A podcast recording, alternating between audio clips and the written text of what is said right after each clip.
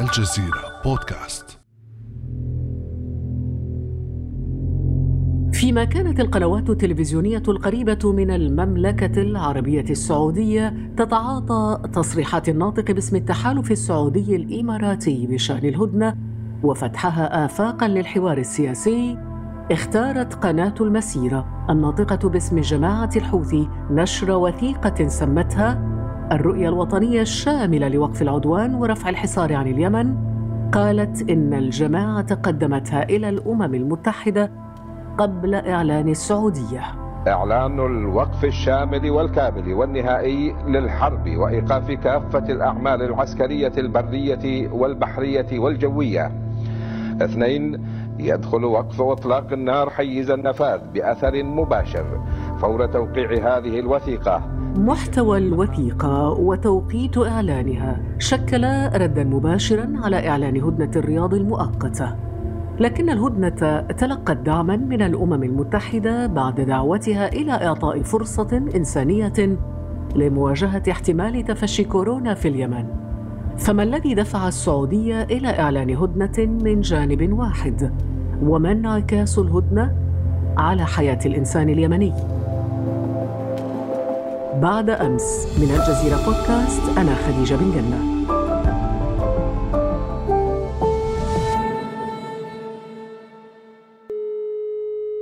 نرحب بزميلنا حمدي البكاري الصحفي اليمني بقناة الجزيرة. أهلا وسهلا بك حمدي. أهلا وسهلا خديجة أهلا وسهلا. حمدي البكاري لنفهم في البداية ما الذي دفع التحالف بقيادة السعودية لاتخاذ قرار من جانب واحد بهدنة في اليمن؟ هذه الهدنة التي طرحت من قبل قوات التحالف هي ناتجة عن عدة مبررات أو محددات. أهم هذه المحددات هي أزمة كورونا التي تسيطر على وتخيم بكل تداعياتها على المنطقة وعلى السعودية والإمارات وكل دول التحالف وكذلك على أيضا الأوضاع في اليمن كما أنها تشكل هاجسا دوليا وهناك خشية من أن تتوجه الأزمة إلى اليمن خاصة مع اكتشاف أول حالة لفيروس كورونا في البلاد. هناك شكل لهذه الإعلان لإعلان هذه المبادرة، الشكل من حيث الشكل هناك إشارة إلى أن استجابه للضغوط الدولية لكن في حقيقة الأمر هذه أيضا المبادرة تعكس حالة من ربما المشكلات الداخلية التي تعانيها السعودية والتكلفة الباهظة للحرب وربما أيضا محاولة استجماع الأنفاس وكذلك اعاده النظر في بعض السياسات والتكتيكات العسكرية.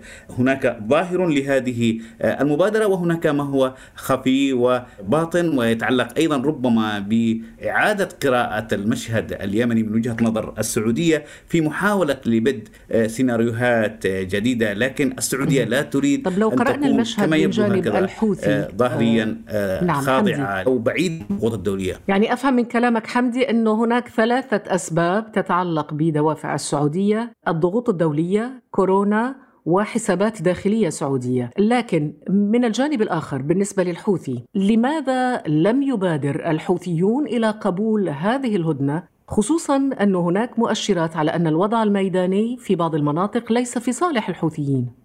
بالنسبة للحوثيين ربما من وجهة نظر تحليلية ينظرون إلى طرح السعودية لمثل هذه الهدن هو تعبير عن حالة التراجع وربما عدم تحقيق الأهداف. وبالتالي هم يرون بأن الفرصة مواتية لاستثمارها عسكريا على أرض الميدان وتحقيق المزيد ربما من الضربات. هم لا ينظرون إلى الهدنة السعودية بأنها هدف بأنها رؤية بالفعل حقيقية واستراتيجية وإنما تكتيك عسكري كما قال المسؤولون في جماعة الحوثي بأنها تضليل ومحاولة لتحقيق أهداف عسكرية وسياسية لكن هم أيضا طرحوا رؤية شاملة لإيقاف الحرب. هم لا يرون بهذه الهدن بداية لإنهاء الحرب وإنما يرون فيها محاولة لتلميع الصورة السعودية أمام المجتمع الدولي. وبالتالي تفوت مثل هذه الفرص لتحقيق نوع من الهدنة الكثير. كل الأطراف تتحدث عن اختراقات للهدنة خلال 72 ساعة الماضية. التحالف يتحدث عن أكثر من 200 اختراق. الحوثيون أيضا يتحدثون عن غارات يشنها التحالف وأكثر من زحف عسكري على بعض المواقع والمسارات العسكرية التي تجري في البلاد. نعم. بمعنى الهدنة أيضا حتى في حد ذاتها هي ليست قائمة وليست حاضرة في هذه الظروف. حمدي فهمنا وجهة نظر السعودية وفهمنا وجهة نظر الحوثيين ماذا بالنسبة للشرعية؟ يعني قد يكون قبولها بالهدنة مفهوما لأن هذا القرار صادر من السعودية وهي أهم حلفائها ولكن ألا يخشى أن تخسر قوات الشرعية بعض المواقع خصوصا في ظل رفض الحوثيين قبول الهدنة؟ إيه، نعم الشرعية موقفها من موقف التحالف السعودي الإماراتي. ضربة مدمرة. هذا هو الوصف الذي أطلقته منظمة أكسفام على إعلان أول إصابة مؤكدة بفيروس كورونا المستجد في اليمن إضافة إلى المآسي المستمرة منذ سنوات وبعد دورات الكوليرا والتشريد ونقص الغذاء والدواء وقرابة ست سنوات من الحرب متعددة الجبهات جاء كورونا ليزيد عيش اليمنيين نكدا. ارتبكت أنظمة صحية عريقة وواجهت دول تحديات قوية بفعل الجائحة التي تشغل العالم وفي اليوم الثاني من الهدنة وصل الوباء إلى اليمن الذي يستورد 90% من احتياجاته الغذائية ونصف مستشفياته معطل كليا أو جزئيا والأوضاع المعيشية متردية والبلد يعاني أسوأ أزمة إنسانية في العالم بحسب منظمات الإغاثة الدولية. مع إعلان أول إصابة بفيروس كورونا المستجد في اليمن، هل ثمة أصلا إمكانية للحديث عن إجراءات تجنب اليمنيين مخاطر هذا الوباء خاصة انعكاساته على الأوضاع المعيشية الصعبة أصلا في اليمن؟ الحقيقة إذا انتشر فيروس كورونا في اليمن سيشكل كارثة غير مسبوقة في اليمن أولا لأن البلاد تعاني من ويلات الحرب وهناك ظروف صعبة يعاني منها السكان ظروف تتعلق بنقص الغذاء والأزمة المعيشية والاقتصادية. أضف إلى ذلك أن البلاد بلا نظام صحي النظام الصحي منهار بالكامل وبالتالي إذا انتشر مثل هذا الفيروس فإننا سنكون أمام كارثة حقيقية هي أسوأ من الحرب نفسها التي تعاني منها اليمن منذ خمس سنوات. حسب المعلومات التي يطرحها المعنيون. بالشؤون الصحية في اليمن. هناك جهازان فقط لفحص كورونا وحتى واحد في صنعاء والآخر في عدن. وحتى هذان الجهازان يعانيان من بعض الأعطاب ولا يظهران النتائج بدقة متناهية. هناك حالة واحدة اكتشفت في اليمن حتى هذه اللحظة فيها إصابة مؤكدة بفيروس كورونا في حضرموت. وحسب المعلومات أيضا هناك نقص كبير في أعداد أجهزة التنفس الصناعي. هناك نحو 212 جهازا للتنفس الصناعي موجودة في اليمن حتى هذه اللحظة. وربما تكون هناك أجهزة أخرى ولكن لا لا تتجاوز المئات. إذا ما قارنا البلد فيها 30 مليون نسمة كيف يمكن أن تواجه كارثة إذا ما انتشر فيروس كورونا؟ هناك صحيح إصابة واحدة حتى هذه اللحظة لكن هناك أيضا مخاوف بالنظر إلى آه، ما تفرضه الحرب من ظروف وأيضا آه، آه، إلى ما يمكن أن يشكل ضعف الإجراءات الاحترازية من احتمال لانتشار الفيروس وبالتالي الصعوبة عالية وكبيرة في مواجهة هذه التداعيات. حمدي بعيدا عن الصراع السياسي والعسكري، ما الذي تعنيه الهدنة بالنسبة للإنسان اليمني العادي؟ اليمن أحوج ما تكون إلى هدنة إنسانية. بسبب لسبب رئيسي هو يتعلق بظروف جائحة كورونا والتدابير الاحترازية التي يفترض أن تتخذ في مثل هذه الظروف. بالإضافة إلى ذلك اليمن انهكتها الحرب. الآن نحن أمام أزمة أشبه ما تكون أزمة سائلة. لا لا نهاية لها ولا ولا أحد يعرف أو يتكهن ما هي النهاية التي يمكن أن تحدث. الأطراف العسكرية كلها تمارس نوع من الاستقواء في السيطرة على المشهد اليمني. ليست المشكلة فقط في التحالف السعودي الإماراتي وإنما أيضا هناك مشاكل أخرى نجمت عن هذا التحالف تتعلق بتصلب أيضا المواقف واستمرار ممارسة الحوثيين للاستقواء بالدولة التي سيطرت عليها بقوة السلاح. وأيضا هناك طرف ثالث يلعب دور آه، خطير وهو ما يتعلق بوجود مجلس انتقالي في جنوب اليمن. البلد أصبحت الآن تتقسمها تتقسمها أطراف عسكرية لا تعطي بالا للأوضاع الإنسانية والكارثية التي تمر فيها اليمن. هناك آه، أعداد هائلة من آه، الفقراء يتزايد هذا العدد كل يوم. ملايين ملايين يعانون من نقص في الأمن الغذائي. هناك أمراض أخرى حتى غير فيروس كورونا وقبلها في بعض الأمراض التي عفى عليها الزمن انتشار مثل الملاريا وغيرها بالمئات. وهناك أيضا صعوبة في إسعاف المرضى والجرحى والمتضررون من الحرب من المدنيين نتيجة لضعف النظام الصحي. فضلا عن جوانب أخرى إنسانية عد أدت إلى استمرار النزوح.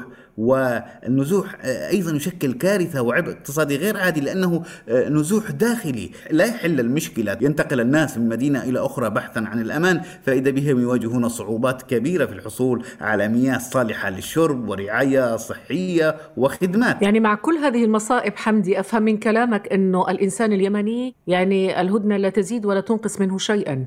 يعني لا يستفيد من هذه الهدنة. في ظل هذا الظرف الحالي إن تحققت هذه الهدنة على أرض الواقع سوف تستثمرها الأطراف العسكرية لإعادة ترتيب أوراقها وترتيب صفوفها ولا يعنيها الإنسان اليمني بأي حال من الأحوال. خمس سنوات والمجتمع الدولي وينظرون إلى البلد وهي تعاني وتنزف ومئات وملايين الناس يعانون أوضاعا إنسانية صعبة ولا أحد يلتفت ولا أحد يسلط الضوء نسيت اليمن. هكذا تم رميها في الخارطة وأصبح العالم مشغول بقضايا أخرى وأولويات أخرى. لذلك الأطراف الدولية غاصت في تفاصيل بعيدة عن ممارسة الأدوار الإنسانية أو ممارسة نوع من سلطة الدولة. لكن حمدي تجدر الإشارة إلى أن هذه الهدنة ليست الأولى. هناك هدن كثيرة سبقتها. في أعوام الحرب الخمسة تكررت الهدن التي شهدها اليمن فلم يخلو عام من عدة هدن تتبادل الأطراف تهم خرقها لكن الهدنة الحالية جاءت في ظرف استثنائي مست تداعياته كل المعنيين بالملف اليمني. فعلى الصعيد الاقتصادي تواجه السعودية وهي الطرف الرئيسي في الحرب أزمة انخفاض أسعار النفط. وعلى الصعيد الداخلي في اليمن يواجه اليمنيون تحديات إنسانية واقتصادية غير مسبوقة.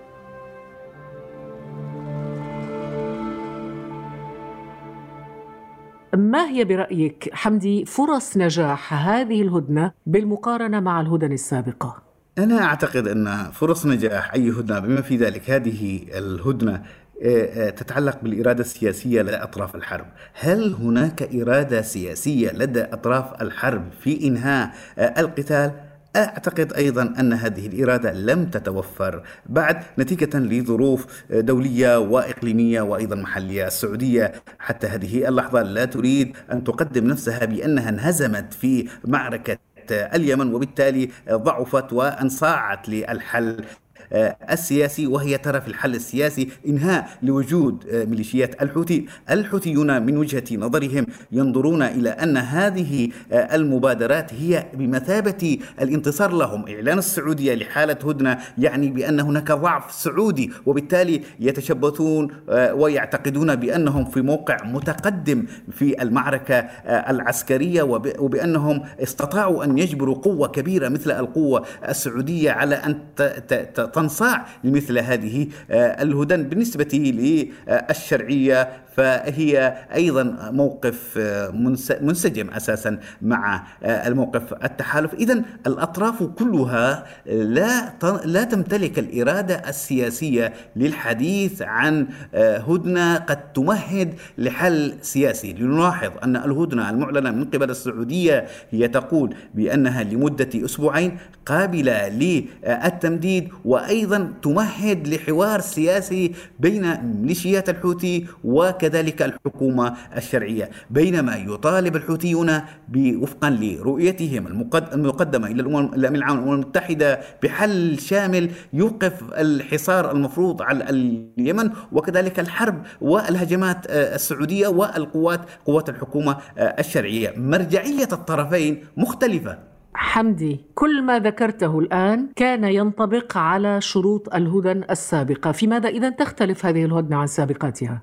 أه, لا أعتقد أنها ستختلف كثيرا فيماذا؟ اولا لأن العالم مشغول والمجتمع الدولي مشغول بجائحة كورونا ولا يلتفت إلى المشهد اليمني كثيرا وثانيا لأن قواعد اللعبة أه، لم تنهار بعد أه، بمعنى آخر لم يصل آه، أطراف الحرب إلى أن الحل السياسي أصبح مواتيا هل تبدو هذه الإرادة السياسية اليوم متوفرة لنرى ربما بارقة أمل في آخر النفق؟ الإجابة على هذا السؤال وهو سؤال مهم آه، ما هي الظروف التي دفعت السعودية لإعلان مثل هذه الهدنة؟ سنجد أنها ليست آه، دوافع متعلقة بالرغبة بالحل السياسي وإنما تحت ضغط أزمة كورونا وربما استجابة لظروف وتحديات داخلية كما قلنا سابقا وظروف إقليمية ودولية في المقابل لا يرى الحوثيون آه، بأن هذه الهدنة قد تحقق آه، انفراجا سياسيا ويدرك بأنها تكتيك عسكري ويمارس أيضا يمارس الحوثيون ما زالوا يواصلون معركتهم في الميدان وربما يحققون كما يعتقدون بعض الانتصارات استثمارا لهذه الهدنة وبالتالي هذه الهدنة ربما لا تشكل بداية حقيقية لحل الأزمة. حمدي البكاري الصحفي اليمني بقناة الجزيرة شكرا جزيلا لك. تحياتي يا أهلا وسهلا خديجة يا أهلا وسهلا. حمدي أكيد حدثنا من البيت. بطبيعة الحال يعني احترازات لمواجهة فيروس كورونا من البيت. العمل عن بعد. طبعا ككل ضيوفنا يوميا خليكم في البيت اذا. هذا هو شعارنا في بعد أمس. ابقوا في بيوتكم. كان هذا بعد أمس.